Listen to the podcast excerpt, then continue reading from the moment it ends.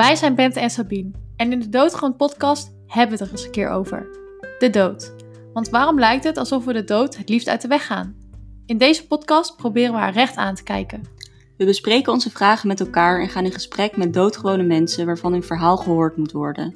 Want dat we doodgaan, dat is het enige wat we zeker weten in het leven. Hoi allemaal, welkom bij Doodgewoon. Ik ben Sabine. En ik ben Bente. We vinden het leuk dat je weer luistert. Uh, mocht je deze podcast nou leuk vinden, raad hem dan vooral aan bij al je vrienden en ja, eigenlijk iedereen die het maar horen wil. Ja, en als je luistert via de Apple Podcast app, dan zou je ons enorm helpen door een review achter te laten. Zo kunnen de mensen ons makkelijker vinden. En vandaag zitten we thuis bij Babette. Heel fijn dat we hier mogen zijn. Zou je jezelf willen voorstellen aan onze luisteraars? Ja, zeker. Uh, mijn naam is dus uh, Babette en ik heb net als jullie heb ik uh, humanistiek gestudeerd. Inmiddels al wel weer een, een jaar afgestudeerd. En ehm, ja, we zijn eigenlijk met elkaar, met elkaar in gesprek geraakt doordat onze wegen kruisten echt op dit thema. Um, ik ben bezig met een, een project verlieskunst om, ja, om eigenlijk nieuwe taal te ontwikkelen voor rouw en ook nieuwe beelden. Om omdat veel van de, de taal die we nu hebben voor mij heel uh, afstandelijk. En dat dat het juiste woord is. Een beetje afstandelijk voelt. Ja, misschien voelt dat nu te ver. Maar dat heeft me heel erg geraakt. Nadat mijn eigen moeder is overleden. Dat ik toen merkte, ah, dit, het klopt niet. Maar ik had toen niet de, de energie, denk ik, dat dat het grootste was. Niet de energie om al met iets nieuws te komen. En ik had er ook niet in die mate bij stilgestaan al. Dus op dat moment dat mijn moeder ziek was, merkte ik meer, het werkt niet. Maar ik had nog niet per se de, ehm, de aandacht. En ik dacht ook, oh, waarom lukt het me niet? Ik zocht het ook best wel bij mezelf. En wat lukte dan niet? Mezelf goed uit te drukken. Oké. En daarmee verbinding te maken met de mensen om me heen. Ik denk dat dat wel belangrijk was. Dat ik op een gegeven moment dacht, ja, ik blijf een beetje in dezelfde verhalen hangen. En ik, ja, het loopt heel loopt stroef. En het thema bleef terugkomen de jaren daarna. Mijn moeder is uh, acht jaar geleden overleden. En ze is daar jaren, echt al jaren daarvoor al heel lang ziek geweest. Dus dat was al heel lang een thema. Maar het is, het is in de acht jaar dat ze dood is, telkens ook weer terug blijven komen. En ik denk dat, omdat ik daar nog wat te doen heb. En um, ja, door de jaren heen ook allemaal inspiratie verzameld. En het thema komt dus telkens weer terug. Toen ik besloten, ik ga iets mee doen. Dat is dus verlieskunst geworden. Een project waarbij ik meer ruimte wil maken, überhaupt voor verlies in onze samenleving. En uh, ja, bijvoorbeeld omdat als we elkaar vragen alles goed, dat we elkaar zo weinig ruimte te geven, of elkaar zo weinig ruimte geven om echt wat, uh, wat te vertellen. Nou ja, en met die, met eigenlijk echt met, met dat idee van alles goed, is, is ook het project een beetje begonnen. Toen dacht ik, ah, je moet wat anders komen, je moet andere dingen zeggen. En laat ik eens beginnen met kaarten. Hm. En dat heb ik toen gepost. En toen is verlieskunst ook gaan lopen. Samen met Marlon Dome, een uh, bevriende illustrator. En toen zijn wij ook in gesprek geraakt. En uh, ja, dat klikt eigenlijk heel mooi. En voor mij ook heel veel herkenning in elkaars verhaal. En ja, daar sta ik nu eigenlijk. We hebben net uh, een hele crowdfund gehad om die kaarten echt de wereld in te helpen. En dat zijn dan kaarten die, die gaan over, over rouwen. Dus die je kunt sturen als iemand iemand heeft verloren. Of hoe, hoe moet ik dat voor me zien? Ja, dat is inderdaad één ding ervan. Okay echt alternatieve condoleancekaarten. Ja. Maar eigenlijk dus ook nog breder. Dus niet alleen de dood, maar allerlei soorten verliezen. Hm. Omdat we nu eigenlijk alleen kaarten sturen voor de dood. Terwijl volgens mij zou, er, zou je op heel veel momenten goede kaarten kunnen sturen. Waarbij je laat zien, hé, hey, ik zie je. En goh, wat je doormaakt nu. Je hoeft dat niet alleen te doen. En uh, waarmee je ook het signaal kunt geven, hey, ik sta er open om erover te praten. Maar soms is het zo moeilijk dus om dan de juiste woorden te vinden. En vriendin van me die vertelde ook. Uh, ze zei: Ik heb zoveel van jouw proces meegekregen en zoveel van je geleerd van hoe jij dat doet. Nu is een andere vriendin van haar uh, haar broer verloren. Toen zei ze: Oh, en ik merk nu dat ik veel beter uh, weet wat ik kan doen. Mm. En ja, dat raakte me ook echt heel erg toen ze zei: van ja, het is nu alweer maanden en maanden later. En ik realiseerde me door jou dat ik erop terug moet komen. En dat het ook mijn verantwoordelijkheid is om het weer te sprake te brengen. En dat vond ik zo mooi, omdat ik dat zelf dus zo, uh, ja, zo belangrijk vind. Van, ik voel dan zelf dus altijd de verantwoordelijkheid van, ik ben hiermee bezig. Ik wil niet elk gesprek zo weer over de dood laten gaan of weer over rouw. Terwijl andere mensen het over leuke dingen hebben in het leven. Hm. zo van, oh ja, ik wil niet de sfeer bederven. Dat had ik vaak een beetje het gevoel. Zo'n, zo van, oh ja, daar gaan we weer. En als iemand anders het dan ook een keer zegt, is het gewoon fijn of makkelijk om aan te haken of zoiets. Dat ik niet in mijn eentje dat hoef te doen. En toen zij dat dus deed voor die vriendin van haar, dacht ik, oh dat is zo fijn dat die vriendin dat dan zo krijgt. En, eh, en ook dat zij dat dus op die manier ook leert. Dat gaf me Ja. echt moed. Dat ik dacht, oh het heeft echt zin. Mhm. Zij heeft dit nu opgepakt. En doet dit nu voor iemand anders. Zo van, oh wow, het rimpelt door. Ja. En dat in, in heel veel kleine dingen. Maar dat zij, eh, ik had daar zelf nooit over nagedacht. En zelf dit nooit zo meegemaakt hoe je met de dood om moet gaan.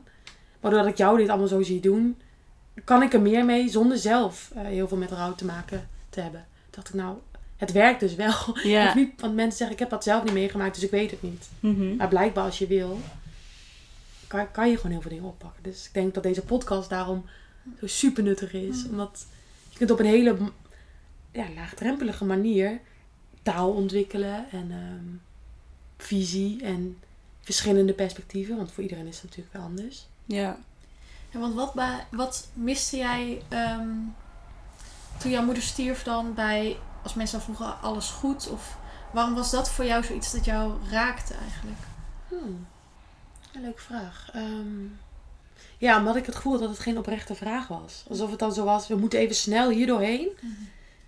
En niet alsof je echt dichterbij wil komen. Hm. En alsof het dus ook helemaal goed zou moeten gaan.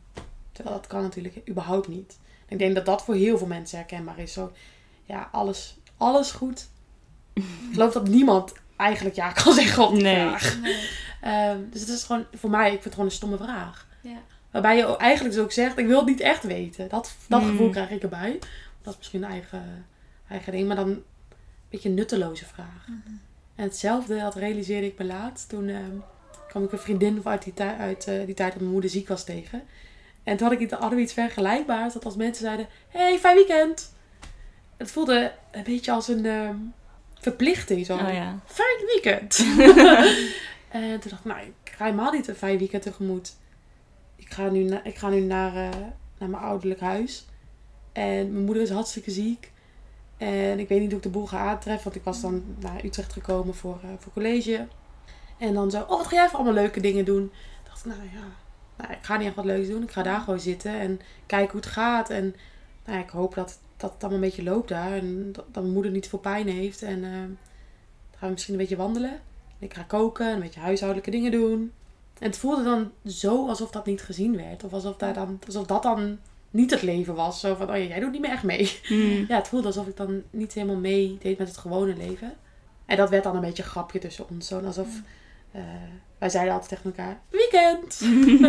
zo van, ja, het is wat het is. Ja. Ja, je doet je best. En, en zij had zelf ook wat ingewikkelde dingen thuis. Dus gewoon dat daar ruimte voor is. Zo van, nee, niet alles is altijd makkelijk. En eh, dat hoeft ook helemaal niet. Nee. Zoiets. nee. Wat je helemaal aan het begin zei, daar zit ik nog over na te denken. Dat toen jouw moeder overleed, dat je de woorden niet kon vinden. Mhm. En dan, als ik het goed begrijp, voor jezelf niet. Maar ook dat de omgeving de woorden niet vond. Klopt dat? Ja. ja. Ja, en heb je het idee dat je die nu wel gevonden hebt? Zijn die er eigenlijk wel? Hmm. Ja. Hmm. Nou ja, woorden blijven altijd woorden. Ja. Dus ik denk, woorden zijn nooit de ervaring zelf. Maar ze kunnen wel dichterbij komen. En ik ben eh, nou, sinds mijn afstuderen meer gaan schrijven. Ik heb in mijn studie veel geschreven, maar heel wetenschappelijk.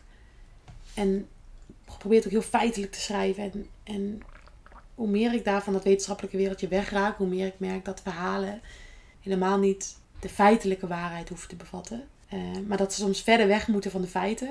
Om een soort van de ervaring eh, recht te doen. Dus om Mm. over te kunnen brengen hoe de ervaring was. En ehm, dus na mijn afstuderen ben ik, ben ik ook zelf meer gaan schrijven. En die, om die verhalen op papier te krijgen. En ik merk dat als ik letterlijk wil opschrijven de dingen die gebeurd waren. Dat dan niet overkwam hoe ik het ervaren had. En juist als ik het ehm, ja, poëtischer of ja, verhalende wijs ging beschrijven. Dat ik dan dacht, ja, dit bedoel ik. Dit is de ervaring. En dan kon ik, ja, ik kan het zo van binnen voelen. Zo, ja dit. Hmm. Nu klopt het. Ehm, en ook gewoon met verhalen die dus helemaal niet over mijn eigen leven gaan. Maar dat ik daarin iets kan overbrengen. Waarbij een ander kan denken, oh, oh dit bedoel je. Ja. Wat helemaal dus niet mijn letterlijke leven is. Maar dan is wel dat ik het gevoel heb dat iemand anders me begrijpt. Hm. Dus ik heb, ja, dus ik heb zeker wel het idee dat ik meer woorden heb gevonden. Eigenlijk ook dus verhalen. Maar ook letterlijk woorden. Ik ben bezig met een rouwwoordenboek. Ja. En eh, in dat rouwwoordenboek ben ik echt op zoek naar welk woord eh, kan ik koppelen aan deze ervaring. Dus daar doe ik dat wel heel letterlijk. Want ik denk dat dat ook nodig is om... Een heel verhaal is weer... kost best wel veel tijd. Ja. En eh, met wat extra woorden is het wat simpeler. Ja, met aan- om een heel verhaal te vertellen vraag je ook best wel wat van, van, ja, van een vriend of van, van een luisteraar. Terwijl als we ons gewoon ons vocabulaire uitbreiden, zou je het ook meer tijdens werk en Mhm. ehm, van het alledaagse kunnen gebruiken. Dus niet zo, hey, heb je even een kwartier, dan lees ik even een verhaal voor wat ik bedoel. ja. En welke woorden heb je al gevonden daarvoor, voor dat rouwwoordenboek? Ja, veel eigenlijk. Dus ik ben het ook nog steeds aan het uitbreiden hoor. Dus het is, ehm, ik heb een, eh, een artikel geschreven, daar had ik er een stuk of 15. En ik ben nu nog steeds verder aan het gaan, dus dat het steeds meer wordt. Ehm, ik denk een van de voor mij zelf belangrijke woorden is losraken. Omdat toen mijn moeder dan, ik denk half jaar, jaar dood was. Een beetje niet meer in het allerheftigste begin. Maar juist in de periode daarna. Dat ik dacht, ja en nu dan? Dat mensen al zeiden, ja je moet het gewoon loslaten. En eh, ik vond het echt een ja, pijnlijk advies. Ja, en ik snap waar het vandaan komt. En het is ook goed bedoeld. Ik snap wel dat je denkt, ah, please, word weer gelukkig. Of ga door. Of eh, leef weer een beetje. En ik kan helemaal voorstellen dat je dat je vrienden gunt. Maar eh, door te zeggen dat je iets los moet raken, help je niet mee of zo. Het is niet dat je denkt, oh. In ieder geval, ik had niet het gevoel van, eh, oh, dan moet ik gewoon dit doen. Ik, Hm. ik snapte gewoon niet hoe dat dan moest. En ik heb nu zelf dus het woord losraken. Want ik denk dat er een stukje is wat je doet. En dat merk ik ook bij liefdesrelaties die overgaan. Bijvoorbeeld, als ik telkens het, hetzelfde verhaal blijf herhalen, slijt iets ook maar in. En het wordt ook een soort. Ik blijf er dan heel erg mee bezig. Heel bij alles denk ik, oh ja, dit. Oh, het verhaal blijft heel levend. En ik denk op een zeker punt, wanneer het gewoon een herhaling van zetten wordt, dat het dan ook oké is om een verhaal te laten. Van oké, ik heb het wel verteld. En ik denk dat is iets wat je actief kunt doen. Maar dat betekent niet zo van daarmee is het losgelaten. Ik denk dat daarna komt er een tweede stuk wat je niet actief doet. En dat is meer zoals, ja, ik vergelijk het altijd met de bomen. Zo van, oh je hebt een zeker punt, laten ze hun blaadjes weer los. Maar het is niet zo dat, dat aan die blaadjes gaat lopen trekken of zo. Ja, Hm. wordt op een gegeven moment herfst. En op een Ja. gegeven moment laten ze los. En ik denk, zo werkt het ook met losraken. Op een gegeven moment laat het je los. Ja. Dus het laat los aan jou. Ja. En een stuk daarvan kun je dus actief doen, maar een stuk is dus ook passief. Dat gebeurt. En dat kun je niet afdwingen. En zo van, ja, ik wil er nu klaar mee zijn. Ja, zo werkt het niet volgens mij. En dat actieve stuk begrijp ik geloof ik nog niet helemaal. Hoe je dat... Want het klinkt voor mij dat, dat je dan op een gegeven moment stopt met vertellen van het verhaal dat je moeder dood is. Of is dat nu heel kort door de bocht? Ja, het is iets, ik denk iets complexer. Meer een, ehm, zodat ik in herhaling blijf vallen. Dus Mhm. dat ik heel de tijd een verhaal blijf afspelen. Zoals ehm, de haar laatste weken bijvoorbeeld. En dat Mhm. ik telkens maar diezelfde verhaal blijf spelen. En telkens zo, oké, hoe ging dit? Hoe ging dit? Heb ik iets gemist?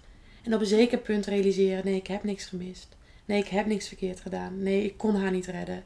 Er was niks wat ik kon doen. Einde. En ophouden met zoeken naar, ehm, had het anders kunnen gaan? Had ik nog meer wetenschappelijk onderzoek moeten bekijken? Of er niet toch nog iets mogelijk was? Had ik dit? En op een zeker punt, en ik geloof zeker dat het nodig is.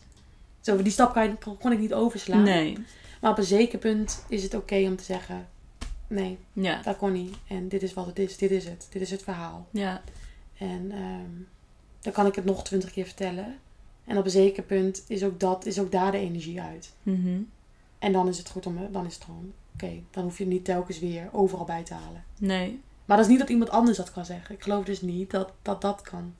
Dat, is- eh, ja, dat vind ik wel belangrijk om dat even te onderstrepen. Dus het is niet, kan dat niet tegen een ander zeggen, zo je hebt genoeg verteld. Nee, precies. En ik vind dat een beetje een soort van secundaire pijn. Dat mensen dan dus dat soort adviezen geven. En dat soort, dat bepalen voor een ander. En dat kan dus niet. Nee. En ik geloof ook dat we daar voorzichtig mee moeten zijn, ook als maatschappij. Dat je dus daarmee, je voegt pijn toe door zulke dingen te doen. Mhm. Terwijl iemand is al in pijn. Ja. En als ik anders kan, doe ik dat wel. En ik geloof ook echt dat goede vrienden je daarin ook echt wel mogen spiegelen. Zo van, nou, je blijft hetzelfde verhaal vertellen. Houdt het je nog steeds bezig? Of Ja. zoiets. Ehm, maar niet, en dat moet je niet meer doen. zo, Nee. want dat, ja, ik geloof dus niet dat je dat voor een ander mag bepalen en ook niet kan bepalen. En dat je dus ook alleen maar pijn toevoegt door Ja. dat te doen. Maar daarom vind ik dus verlieskunst zo'n mooie vorm. Want ik geloof dus wel dat als ik dan dus zoiets lees van dat losraken en dan dus zie, oh, er is een stuk wat ik actief kan doen. En als, als het moment daar is dat ik kan zien, oh, dat doe ik. Ik blijf maar iets herhalen wat eigenlijk wel af is. Er zijn geen alternatieve wegen meer. Het is zo gelopen en dat is heel pijnlijk. Ik kan geen oplossing meer verzinnen. En ik lees daarover in zo'n, in zo'n blogpost. En ik, ik lees dan, oh, er komt een punt dat ik dit los, los mag laten. Misschien is dat wel. Hm. En als dat klikt op dat moment, dat ik dat dan zou kunnen doen. Ja, Zo'n uitnodiging, meer zoiets. ja. En dan zo, oh ja, zo kan ik het zien. En ook zien van, oh, er is ook iets dat ik niet actief kan doen. Mhm. Ja, als, als mensen nabestaan, of mensen die om een nabestaande heen staan, iemand, mensen om iemand die rouwt heen. dat- Ik denk dat je daar voorzichtig mee moet zijn, omdat iemand zo, ja, eh, op te dringen. Mhm. Zo voelt het voor mij, Ja. op te dringen. Terwijl zo'n post, post misschien, zo'n zo'n tekstje misschien kan zijn dat je denkt, oh ja, oh, zo kan je er ook naar kijken. Net op, die, ja, op de juiste afstand. Ja. Mhm. Is het dan een verschil tussen advies geven en inspireren of zo? Hmm, Is dat het een beetje? Dat is wel mooi dat je dat zegt. Ja, misschien wel. Hm. Ja, advies is... eh, volgens mij kun je alleen advies aannemen als je het om vraagt. Ja. Dus als ik dan zeg, hey, kan jij even met me meekijken? Ik weet het even niet. Ja. Terwijl als ik gewoon iets aan het delen ben en iemand komt dan met advies, denk ik, ja, vroeg ik toch niet om. Ja. Maar ik het gewoon met je delen. Ja. Ik denk dat dat ook heel erg is hoe we normaal met elkaar omgaan. Ja. Altijd allemaal adviezen geven. En ja, ik maak er met vrienden zelf ook wel gewoonte van eigenlijk. Om te vragen, Hmm. hey, wil je mijn advies horen? Of, of Ja. ik, ik moet aan iets denken, wil je het horen? Want soms zit iemand gewoon niet op dat advies te wachten. En dan voelt het een beetje manipulatief of zo. Zo van, oh, ik zal jou eens even een kant op duwen. Mm. Eh, ja, dus ik vind dat wel mooi. Eh, adviseren, advies kan heel mooi zijn als, je, als, je, als dat is wat je wil. Ja. Terwijl heel vaak is dat helemaal niet wat je wil of nodig hebt. Tenminste, heel vaak wil ik helemaal geen advies. Ja. Nee. Ik zit ook te denken aan, want ik, ik denk inderdaad ook dat er voor rouw en zeker die alles wat je daarbij voelt, dat daar te weinig woorden voor zijn. Hmm. Maar ergens voelt het ook alsof als er nieuwe woorden komen, dat dat, dat, dan, dat, dat dan voor iedereen zo zou voelen. Snap je? Dan maak je het ook Mhm. weer heel universeel, terwijl het ergens ook weer heel erg per persoon verschilt. Ja. Maar tegelijkertijd heb ik ook wel gemerkt, ook door deze podcast te maken, dat het eigenlijk ook heel universeel is. ja. dus ik weet niet, daar zit. Ik, ik, heb, heb je daar een, een idee over? Heb je daarover nagedacht hoe je dat. Ja, zeker. Ja. ja, en eigenlijk is het gewoon vergelijkbaar met überhaupt taal. Je gebruikt de woorden die passen. Ja. Ja. Dus als er meer taal is, dan kan je zeggen... Oh wow, hier had ik niet aan gedacht. Dit bedoel ik precies. De andere woorden gebruik je gewoon niet. Nee. Dus het is niet zo van... Oh, nu moet je dit hele taalpakket Nee. gaan integreren in je vocabulaire of zo. Helemaal Nee. niet. Ik denk... Maar ik denk als je meer input hebt... Mhm. Dat je dan kunt denken... Ja, dit heb ik ook. Of... Wow, ik had hier nooit aan gedacht dat dit met rouw... Dat dit, dat dit rouw is. Of dat dit meespeelt. Of... eh zal ik dat bij mij gaan afstuderen. Dat dan ineens mijn, mijn moeders afwezigheid weer nadrukkelijker aanwezig was. Ja. Toen dacht ik, oh dat is opmerkelijk. Dat dan ze eigenlijk al heel lang dood is. Maar dat is wel gewoon weer rouw. Ja. Ja. En ehm, dan vind ik het mooi dat er taal voor is om die stipjes met elkaar te verbinden. Zo'n, nee, dat staat niet los van dat ze dood dat is dan weer zeven jaar daarvoor. Ehm dit is met elkaar te maken. En dat is, dus daar heb ik ook een woord voor. Voor dat rouw krijgt ook weer nieuwe vormen. Hm. En die mag je gewoon met elkaar verbinden. Dat is gewoon weer rouw. Ja, dus daar had ik ook weer een gesprek over met iemand die ook haar moeder verloren is. Nou ja, toen, toen beschreef ik dus wat van die woorden. Toen zei zij, wow, dat is wat ik ervaar. Dat heeft gewoon te maken met de dood van mijn moeder. Maar dat had ik zelf niet zo gezien, want ze is al zo lang dood. Dus ik denk überhaupt dus ook dat het meehelpt met een blik op rouw. Dus dat je dus überhaupt leert rouw herkennen. En dus Ja. niet zo, oh, wat is nou aan de hand? Wat raar. Mhm. Nou, is helemaal niet raar, het is gewoon rouw. Ja. Zoiets. Dus ik denk dat het ehm, dus ook helpt. Ja, zeker. En dat je wel laat liggen wat, wat je niet helpt. Ja. En dat is prima. Mhm. Dat doe je met andere taal ook. Ja. Zo, oh ja, dat is niet mijn taalspel. ja, precies. ja. Ja. Dus denk je dat meer woorden toevoegen eigenlijk zorgt voor meer herkenning of zo? En Ja. daarin misschien ook troostend. Denk ik wel, want dan kan je het ook weer delen. Ja. Of bijvoorbeeld zeggen, goh, nou ik ben nu met dit, met dit, dit woord bezig. Of met deze ervaring. Ehm, nou, ik weet niet of ik het herken, maar het houdt me bezig. Herken jij het? Je maakt een gesprek ook weer mogelijk. Terwijl als je dus een rommeltje van binnen hebt, en chaos en pijn. Je krijgt het niet naar buiten. Is er ook niemand die even aan kan haken. Of, ehm, ja, en dan zou het heel mooi zijn. Ik denk dat dat ook de meerwaarde is van therapie. Dat iemand erbij zit en zegt, goh, wat speelt zich dan van binnen af? En zullen we eens onze aandacht samen dan richten op die binnenwereld van je? Dat is ook best, dat is best wel moeilijk. Ja. Dat vraagt ook wel wat van iemand anders om mee te kunnen kijken. Om zelf die aandacht te hebben voor je binnenwereld. Best wel spannend. Mhm. Dus als het daar zoveel pijn doet om daar je zo op te richten. Dan te kijken, wow, oké, zoveel pijn doet het. Dit is allemaal verloren. Dit, ik heb geen zin meer om te leven. Ik voel hem niet meer. Om dat allemaal te voelen, vond ik echt zelf wel heel heftig. Ja, ik kan me wel voorstellen dat- dat het dan zwaar is om zelf op die woorden te moeten komen. Terwijl als ze er al zijn, dat het dan wel Ja. toegankelijker is. Ja. Hm. Ja, want ik, ik herinner me één, dat is, is volgens mij ook een kaart van verlieskunst tussentijd. Dat je zo tussen twee kamers in zit. En toen ik dat zag, toen dacht ik, wow, ja, Ja. dit is mijn leven of zo. dat vond ik Ja. echt en heel treurig, maar ook heel fijn om te Mm. zien dat het, eh, dat het ergens dus ook niet raar is. En dat Ja. het ook, dat, dat, ja, dat het dus heel erg voor herkenning zorgt. Dat, dat is ook wel echt zo. Ja. hoe herkende jij dat dan in, jouw in jouw leven?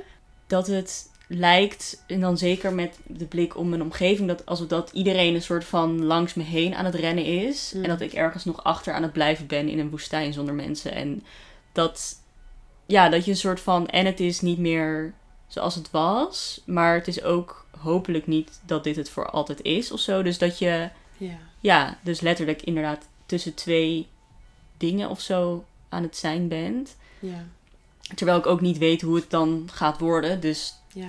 Misschien is die tussentijd wel voor altijd. Dat kan, dat Mm. weet ik niet. Ja. Maar het voelt heel erg inderdaad als een soort ja, wachtkamer of zo. Ja. Ja. ja, een beeld dat klopt bij het moment. Want je de toekomst zo natuurlijk niet weet hoe, hoe dat gaat worden. Nee. Ik Nee. geloof dus ook, dat is dan weer wat ik de afgelopen dagen realiseerde. Ehm, en net stuurde iemand een quote door. Dus dat is, ook, dat is ook heel leuk trouwens van verlieskunst. Dat mensen nu heel duidelijk weten, misschien herkennen jullie het wel, dat ik met rouw bezig ben. Dat mensen ook zo'n, het is best wel vaak opbrengen. Ja. Eh, maar iemand stuurde me een quote door. En eh, toen realiseerde ik me dus dat een aspect van rouw ook is dat je niet weet hoe het wordt in de toekomst. Mhm. Ehm, dus in die, en in die quote ging het dus wel over van... But in the end, it, it's going to be okay. Zoiets. Toen dacht ik, ja, maar dat is het punt. Dat weet je dus niet. Hmm. En dat is volgens mij dus ook rouw. Een aspect van rouw. ehm, de onzekerheid verdragen. Want je weet niet zeker of het goed komt. En, of je weet niet zeker of er weer een nieuwe goed komt. Ik geloof er zelf niet zo in dat het weer goed komt. Mhm. Maar wel dat er iets nieuws ontstaat. En ik weet ook zelf nog het moment dat ik voor het eerst, dat, dat ik het voor het eerst het gevoel had, ik ben weer gelukkig. Mm. Maar niet gelukkig zoals ik het ooit was. Zo, Nee. dat gevoel heb ik nooit meer gehad. Nee. Dat, en dat is, dat is verdrietig en ook, heel, ook oké. Dat is voor mij dus ook heel erg het leven. Zo, nou ja, dat, dat is weg. Maar ik was wel weer op een nieuwe manier gelukkig. Dacht ik, wow, ja, dit had ik gehoopt. Mm. Ja, hoe dat dan uitziet, wist ik natuurlijk ook niet. Maar in dat, op dat moment van dat je in zo'n tussenruimte zit, weet je niet of dat gebeurt. Nee. En je kan jezelf dus ook niet een soort van toedekken met de geruststelling dat gaat gebeuren. Dat weet je niet. Nee. En dat kun je wel hopen. Ja. En ik geloof dus dat dat ook, zeg maar, dat is een heel, dat is een heel existentieel thema. Mhm. Voor iedereen, niet per se met rouw. Maar met rouw kun je dat gewoon niet meer toedekken. Dat je dat niet weet. Ja, en dat, en dat vind ik dus eentje die nog heel belangrijk is. Die ik dus niet heel veel terugzie om me heen nog. Dus in heel veel van die quotes is het zo van, het komt goed. Ja. En ik herken dat gewoon niet. Ik geloof dus wel in de hoop dat het goed komt. Maar het punt is dus dat je dat niet zeker weet. En dat dat dus ook iets is wat je in een rouwproces moet verdragen. Dat je het niet, geen zekerheid hebt. Maar dat heb je eigenlijk nooit. Exact. Ja. Nee. En in een rouw komt dat op de voorgrond, terwijl je dat eigenlijk al nooit had. Nee. Ja. Maar ja, dan moet je dat in een rouwproces nog extra aankijken. Ja. Maar inderdaad, dit is voor mij dus gewoon, daarom is het voor mij ook gewoon leven. Ja. Want voor mij is het ook gewoon maar gewoon een levenshouding, dat je geen zekerheid hebt. Mhm. Je weet niet hoe dingen lopen en je hebt vooral veel hoop op dat dingen weer mooi uit zullen pakken en dat er weer nieuwe dingen zullen komen. Eindes, nieuw beginnen. Maar ja, dat allemaal zo toedekken. Ja, dat is wat mensen ook vaak doen. Wat ik zelf als pijnlijk ervaar. Ja. Want hoe, kan jij, hoe ga jij daar nu mee om? Met dat verdragen van die onzekerheid? Hmm. Nou, enerzijds heeft het me meer vertrouwen gegeven. Dat ik nu dus een keer zo'n loop heb gemaakt waarbij ik me gerealiseerd heb. Wow, ik kan dus opnieuw gelukkig worden. Hmm. En tegelijkertijd denk ik door zoiets meegemaakt te hebben dat ik ook extra kwetsbaar ben. Hmm. Dus dat ik heel gevoelig ben voor eindes. En toen een eh, vriendin haar relatie ging uit en zij ging naar haar ouders toe. Toen zei ze, het was heel verdrietig en zei ze, nou ik ga daar even crashen. Misschien een weekend, misschien een week.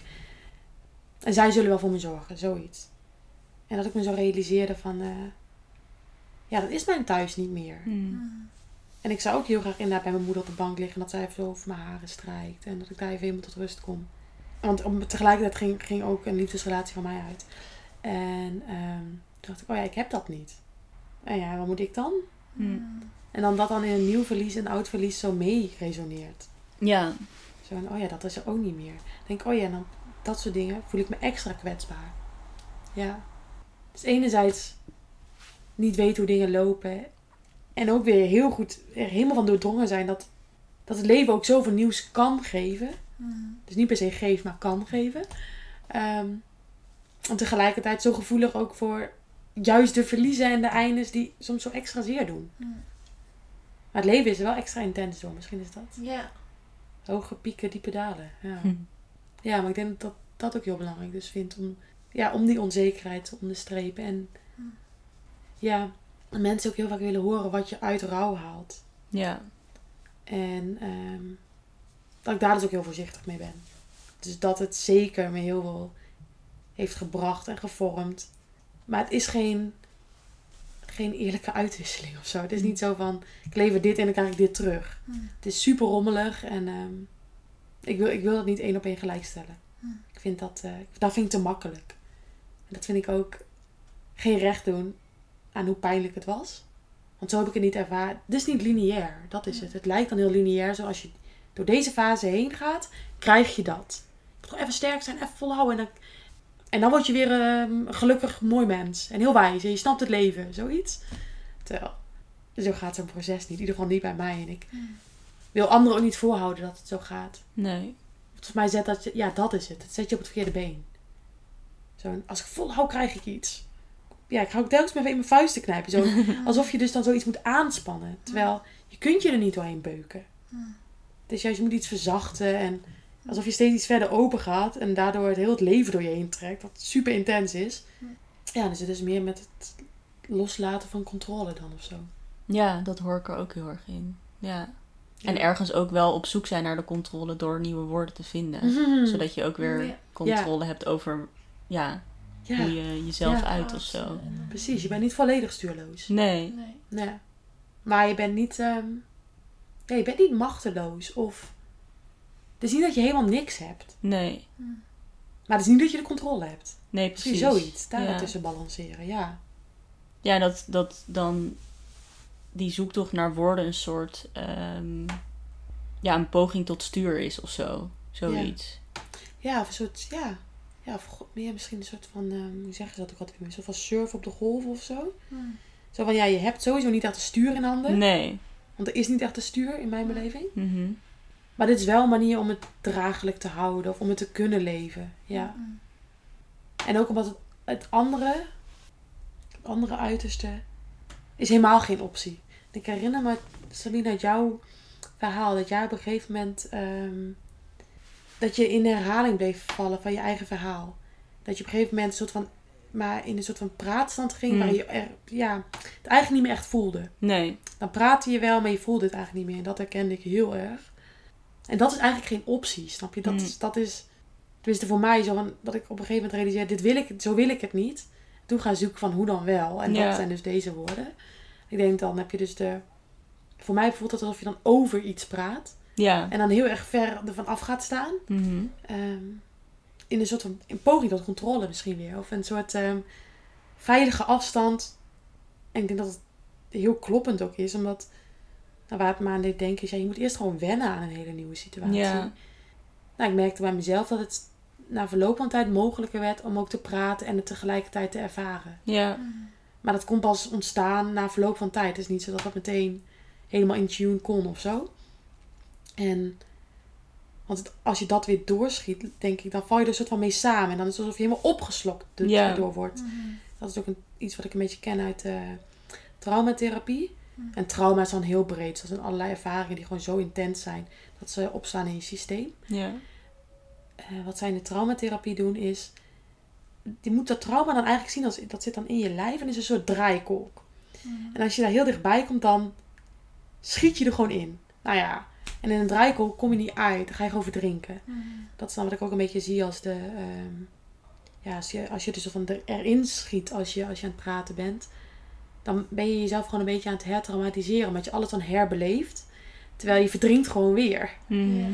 Eh, dus dan, nou hoe ik het dan zelf zie, is de juiste afstand vinden. Dus je moet niet in die, in die draaikolk schieten.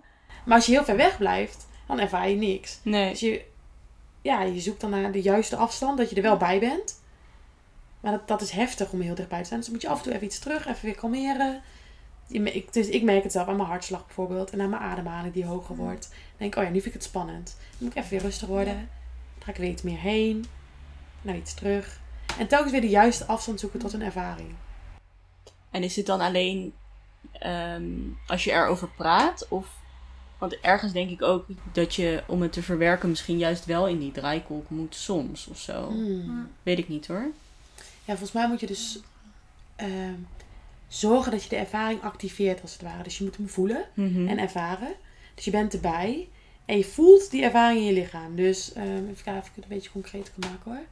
Ehm, ik heb bijvoorbeeld een hele pijnlijke ervaring eh, waarin mijn moeder heel veel pijn had en heeft heel veel indruk op me gemaakt. En ehm, ja, als ik voel hoe wanhopig me dat maakte, dat zij zo'n pijn had dat ze echt niks meer kon. Ja, dan, dan merk ik meteen zo, oh ja, dat voel ik in mijn ogen drukken. En ik kom meteen zo, dat, ja, bij mijn, weet je, bij mijn nek of zo. En ik merk dat me heel verdrietig maakt. Maar als ik daar helemaal induikt, in, ik moet dat wel voelen, Mhm. dat dat pijn is. Omdat anders eh, gebeurt er niks met die ervaring. Als ik heel ver van weg blijf, Ja. eh, dan kan ik die ervaring vertellen. En dan kan ik met droge ogen vertellen. Dan kan ik gewoon zeggen, oh, het was heel pijnlijk, gebeurde dit, gebeurde dat.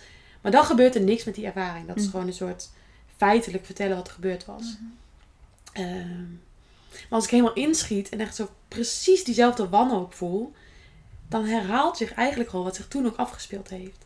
ja. Volgens mij is dat een soort van dieper inslijten van die ervaring dan. Mhm. Van, oh ja, dat gebeurde. Dan voel ik me weer net zo machteloos, weer net zo wanhopig.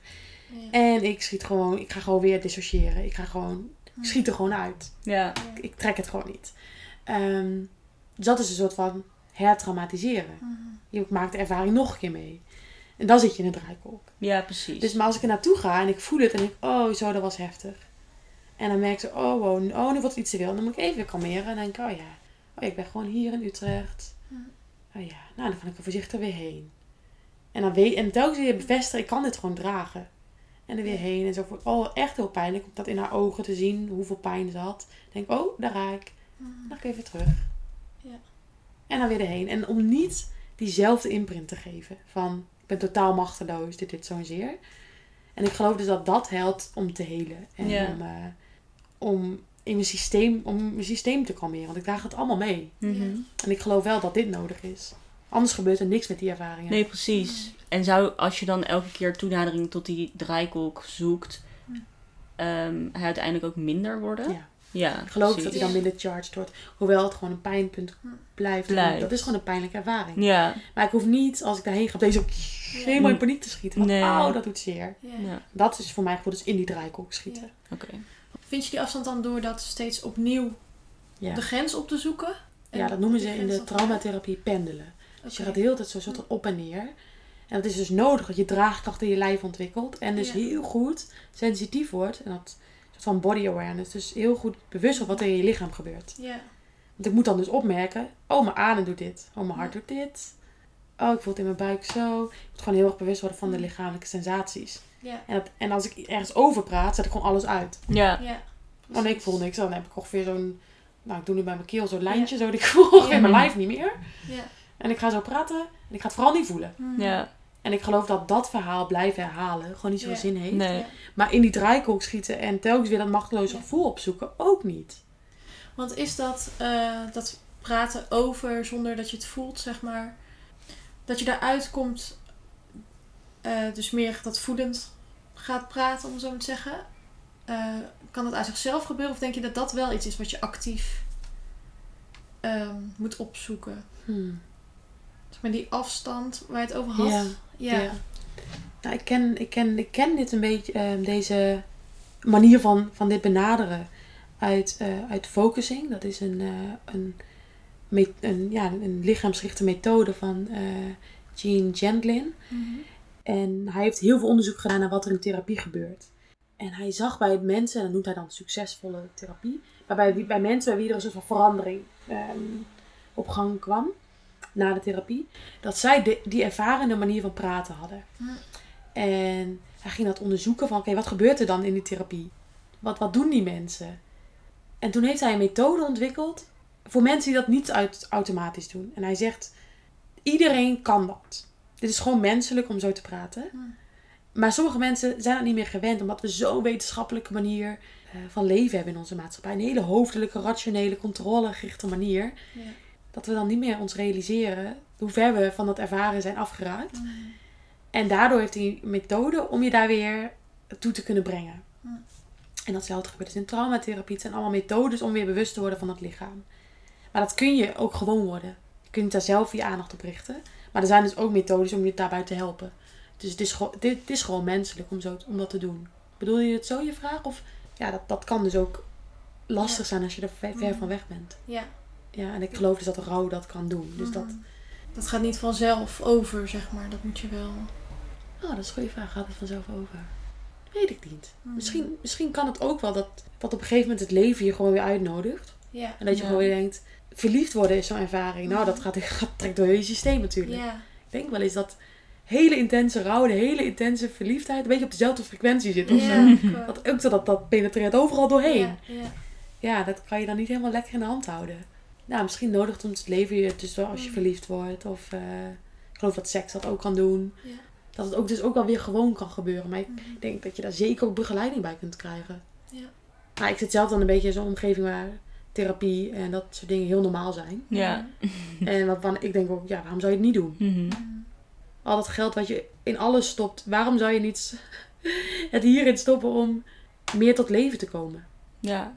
ja, je hebt maar één leven, denk ik. Ehm, ik wil het zelf ten volste leven. En ik geloof dat dit soort dingen daarbij helpen. Ja.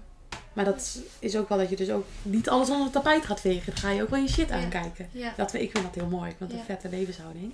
Maar ik geloof ook wel dat het niet voor iedereen is. Als je denkt, ik loop overal liever met een boogje omheen. Ehm, nou ja, misschien is dit dan een moment waarin je denkt, hé, hey, dit werkt niet meer. Ik Mhm. moet dat dingen gaan aankijken. Ja. Want is dat veranderd sinds dat jouw moeder is overleden? Die levenshouding? Jazeker. Als ik het heel leuk wil zeggen, dan kan ik zeggen zo van, oh, het heeft me echt moediger gemaakt of zo. Dapperder. Als ik het iets zwartgalliger zou zeggen, een zeker moment was ik zo depressief. Er moest zoiets tegenover komen, anders was het gewoon niet meer waard om te blijven leven. Ja. Dan was het zo, nou, het is niet genoeg. Ja. Ik ben liever dood dan dit leven. Zo zou ik het zelf eigenlijk het liefst zeggen. Maar dat is natuurlijk voor sommige mensen ook gewoon niet zo fijn om te horen. Mhm. Maar is dat dan dus ook de motivatie om het dus wel ten volste te leven? Ja. Ik Ja. geloof ook echt dat het nodig is om al die pijn te kunnen verdragen. Mhm. Dat er iets tegenover moet dat er ook iets tegenover moet staan, wat echt heel mooi is. En ik merkte dat ik eh, voorzichtig was. Een soort ehm, heel goed opletten hoe doen andere mensen het en doe ik het goed. Mhm. En alsof, alsof ik dan veilig zou zijn. Zo van, dan zal ik van hele grote pijn bespaard blijven als ik het gewoon goed doe. Eh, toen ging mijn moeder dood. Tot het punt dat ze dood ging had ik altijd nog een soort, maar het, een soort van, ja misschien komt het wel goed. Of ehm, ja, alsof ik niet rock bottom zou halen. Zo van, misschien gaat hij zo net er langs. Oh, dat was heel zwaar, maar... En dat hoor ik ook wel bij veel mensen bij wie en, eh, iemand ziek was en beter wordt. Zo'n, ja, was heftig, maar we zijn eruit gekomen. Zoiets. Ja, en dat, dat, het verschil van wanneer dat dus niet gebeurt, heeft in mij dus heel erg mijn levenshouding veranderd. Zo'n, ik ben niet veilig. En mijn moeder was zo belangrijk. Echt, ja, het is misschien wel de grootste liefde in mijn leven die ik gekend heb. Ja, het is natuurlijk ook, je hebt in iemands buik gezeten. Dat is natuurlijk Mm. zit in iemand.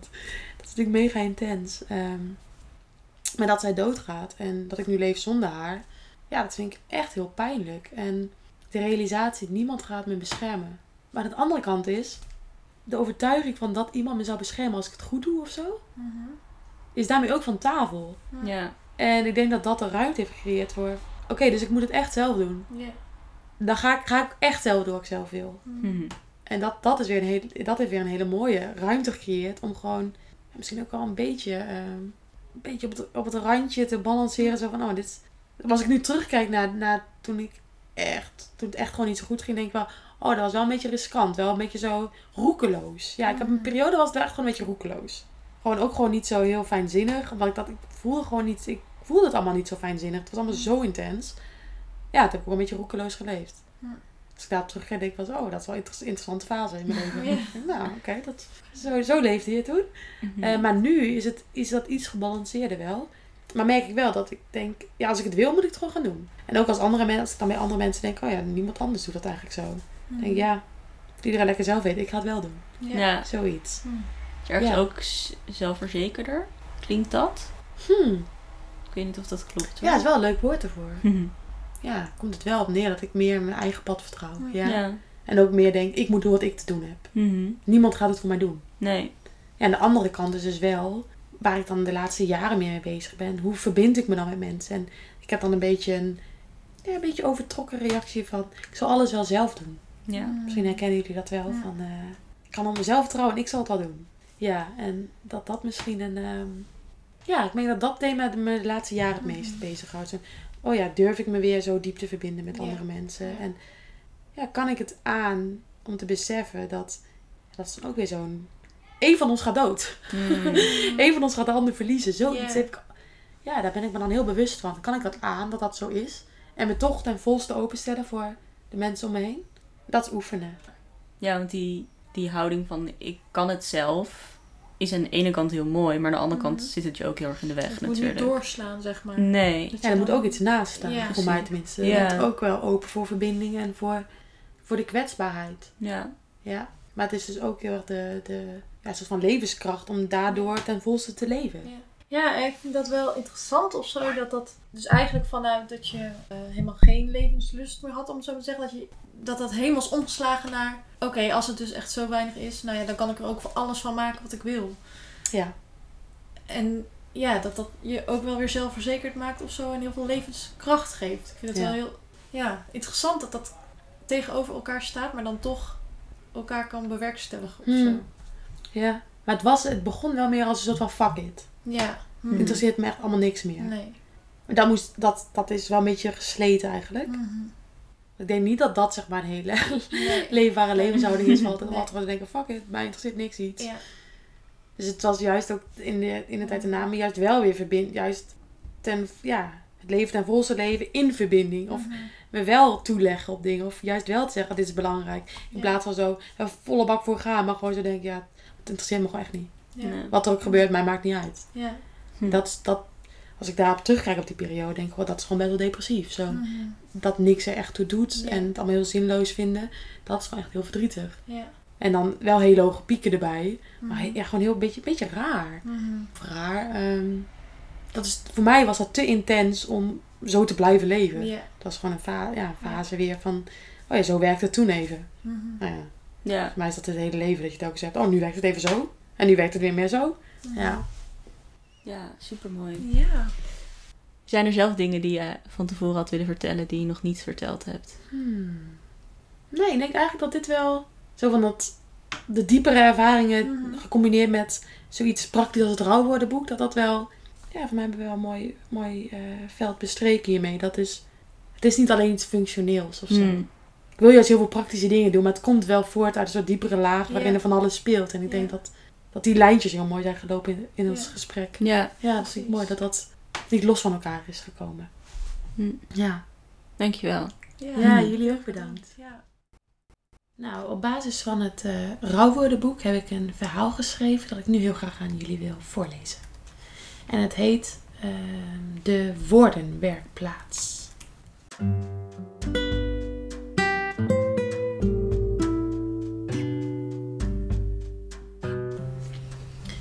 De houten woordenbak, een soort extra grote letterbak, ligt voor haar op de werktafel. Rechts van haar ligt de dossiermap. Links wat gereedschap en een stempelkussen. Ze haalt de nieuwe stempels met gedeelde rouwgrond en terugtocht uit de woordenbak en stempelt de nieuwe woorden die ze net voor Ted heeft gemaakt op een los vel. Terwijl de woorden liggen te drogen, loopt ze naar het keukentje. Met het borsteltje, zo klein als een kindertandenborstel, was ze de nieuwe aanwinsten schoon. Ze had altijd van de traagheid gehouden. Het tempo van de normale mensen was veel te snel voor haar geweest. Er was een tijd dat ze had geprobeerd in de pas te lopen met de wereld. De wereld was altijd alweer tien passen verder geweest voordat zij met de parels uit de diepe zee weer boven was gekomen. Ze dept de stempels droog en denkt ondertussen aan Ted. Hoe lang kent ze hem nu al? Zij begrepen elkaar vanaf het begin, ook zonder woorden. Ze denkt soms dat ze hem juist daarom zo goed kan helpen. Terug aan de werktafel voelt ze voorzichtig of de woorden droog zijn. Dan bergt ze het vel op in een dossiermap. Een flinke stapel is het al. Ze telt de woorden. 45. Shit, mompelt ze. Bijna weer woordenaangifte doen. Ze glimlacht. Gekke mensen praten in zichzelf, zeiden haar ouders altijd. Met haar hand streelt ze langs de vellen. Haar oog valt op rouwseizoenen. Die was voor Margriet geweest, die een paar dagen geleden weer eens was gekomen. Het was een tijd geleden. Ze vond het fijn haar weer te zien. Ze gaat toch altijd van haar klanten houden. Margriet vertelde dat ze een nieuwe geliefde heeft. Ze herinnert zich nog de eerste keer dat Margriet kwam. Ze zat hier aan haar werktafel, net als nu. Toen zat ze ook de administratie bij te werken en stempels op te bergen in de archiefkasten. Door de letters op de ruit heen zag ze een vrouw voor de derde keer langslopen. Pas de vierde keer kwam ze binnen. Ze keek niet direct haar kant op, zodat de vrouw de tijd had om aan te komen. Terwijl ze haar handschoenen uitdeed, keek ze naar de vakken, de schappen en de laadjes. Het centuur van haar jas vertoonde slijtsporen bij het lossere gaatje. Haar haar zat wild. Misschien kwam dat door de wind. Wil je een kopje thee terwijl je wat rondkijkt? Ik ben ook soep aan het maken, zei ze tegen de vrouw. Een kopje thee misschien, antwoordde Margriet terwijl ze naar de werktafel keek. Dan vervolgde ze: Ik weet zelf ook niet precies wat ik hier kom doen. Dat hoeft ook niet. Dat weten de meeste mensen niet. Margriet knikte en mompelde: Ik wist het juist altijd zo goed. Ze schoof de stoel naast haar bij de werktafel naar achteren en legde er een kussen op. Margriet ging zitten. Zij herinnerde haar aan hoe ze zelf ooit deze woordenwerkplaats nodig had gehad. Hoe ze net als zij op zoek was geweest naar woorden als houvast. Margriet wreef in haar handen. Ze had mooie handen. Zacht en toch gespierd. Al wrijvend begon ze. Ik wist altijd precies hoe het hoorde. Ik dacht dat ik hier ook wel goed in zou zijn, in rouwen. Ze maakte er een onbestemd gebaar bij met haar hand. Ik dacht dat ik gewoon vol moest houden. Ik had wat rondgesurfd op internet. Begrepen dat er blijkbaar fasen waren. Ik had besloten dat ik die goed en snel zou doorlopen. Ik zou verdrietig zijn. Ja, dat zeker. En boos. Maar daarna, daarna zou het weer normaal worden. Ze kon zich voorstellen hoe deze vrouw het leven altijd in de hand had gehad. De weerbarstige omstandigheden het hoofd had geboden, zo gezegd. Het had iets te maken met hoe ze zichzelf draagt. Het duurde even voor ik besefte dat volhouden geen zin meer heeft. Dat er geen normaal leven meer was om naar terug te keren. Rationeel had ik dat al lang begrepen. Maar van binnen speelt zich iets af waar mijn hoofd geen gibbel heeft. Dat hij echt nooit meer terugkomt, drong pas maanden later in volle omvang tot mij door. Of misschien wel pas na een jaar. Toen alle eerste keren geweest waren en het nieuwe eraf was. Toen ik niet meer verbaasd was dat er weer krokussen opkwamen en ik hem daar niet op kon wijzen. Toen ik niet meer verbaasd was dat de lucht opeens naar zomer rook en hem niet kon vragen wanneer de zomer was gekomen. Pas toen dat alles voor de tweede keer gebeurde en ik niet meer verbaasd was, misschien was toen pas tot me doorgedrongen dat het normale leven niet meer terugkwam. Voor het eerst keek Margriet haar langer dan twee seconden aan. Toen vervolgde ze: Vanmorgen vloerde het zien van zijn scheergel me. Geloof je dat nou? Zulke momenten denk ik dat ik niks ben opgeschoten. Er moet toch wel iets mis met me zijn als zijn scheergel me al kan vloeren. Ze stelde zich voor hoe Margriet vanochtend haar tanden poetste. Naar zichzelf in de spiegel keek. Toen misschien zijn scheergel zag staan die ze nog niet weg heeft gedaan. Naast zijn tandenborstel die nog in de beker op de wastafel staat. Anders staat haar tandenborstel daar zo alleen, had ze gedacht. En stel, er blijft eens iemand slapen die geen tandenborstel heeft. Dan kan die misschien die van hem gebruiken? Als zij niet bijzegt dat die van hem is. Niet dat er iemand blijft slapen. Is het tijd om de scheergel weg te doen? Wanneer doe je scheergel weg? Kan iemand haar vertellen hoe dit moet? Ze stelde zich voor hoe ze de badkamer was uitgelopen, vergeten om haar haren op te steken. Terwijl Margriet nog meer, nog meer daar leek dan hier, stond zij op en liep naar een van de archiefkasten in de hoek van de werkplaats. Hier moet het toch ergens liggen, mompelde ze, terwijl ze een laadje opentrok. Tussentijd. De realisatie dat volhouden geen zin meer heeft, en er naast het verdriet nog niet iets nieuws bij is gekomen. Met tussentijd en een theepot liep ze terug. Ze legde de stempel op de werktafel en pakte het kruidenmandje. Ze schepte gember, cardamom, kaneel en chilivlok in het thee-ei in de hoop dat Margriet van binnenuit wat op zou warmen. En ze schonk in alle twee een grote mok in. Ze gaf Margriet de stempel en gebaarde naar de woordenbak. Margriet keek naar de lege vakjes van de woordenbak en legde de stempel toen in het linkerbovenvakje. Wij ervoeren het verleden ruimtelijk vaak als links van ons of achter ons. Maar dat verschilt per cultuur. Ze warmde hun handen aan een mok thee. Met haar vingers streelde Margriet het randje van de mok. Thuis drink ik thee uit zijn mok, mijn handen om de mok, die van hem eromheen. Soms vergeet ik dat ik zelf uit de mok gedronken heb, als ik de mok dan s'avonds op tafel zie staan als ik weer thuis kom. Ik voel dan hoe mijn hartslag versnelt, alsof mijn hart uitroept: Gevonden, hier is hij, hier is hij. Voel hoe mijn borsten zich vullen met confetti en glitters die vervolgens uit mijn tepel spuiten. Eén seconde. Uit haar oog liep een traan. Ze nam een slok, verbrandde haar mond. Vervolgde: Het voelt alsof ik sinds hij doodging ook een deel van mezelf kwijt ben, dat ik nergens meer kan vinden. Margriet vertelde niet verder. Dus begonnen ze te schrijven.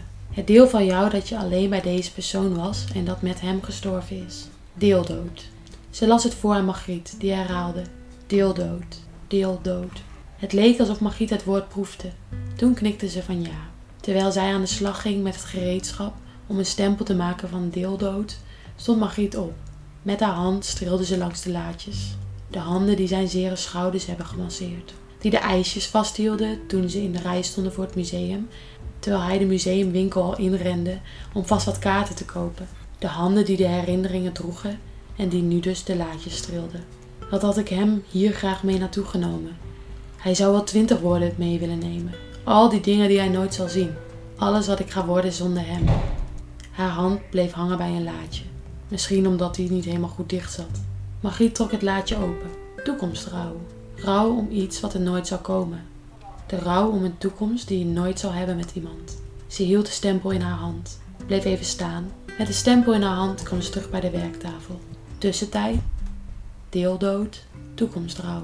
Samen keken ze naar het verzamelde vocabulaire dat als een landkaart van rouw op de tafel voor hen lag. Ze schoof de woordenbak naar Margriet toe en pakte het houten raam waar een vel op gespannen stond. Samen stempelden ze de nieuwe woorden op het papier. Terwijl de woordenkaart lag te drogen, schepte ze soep uit de pan die in het keukentje had staan trekken in grote kommen.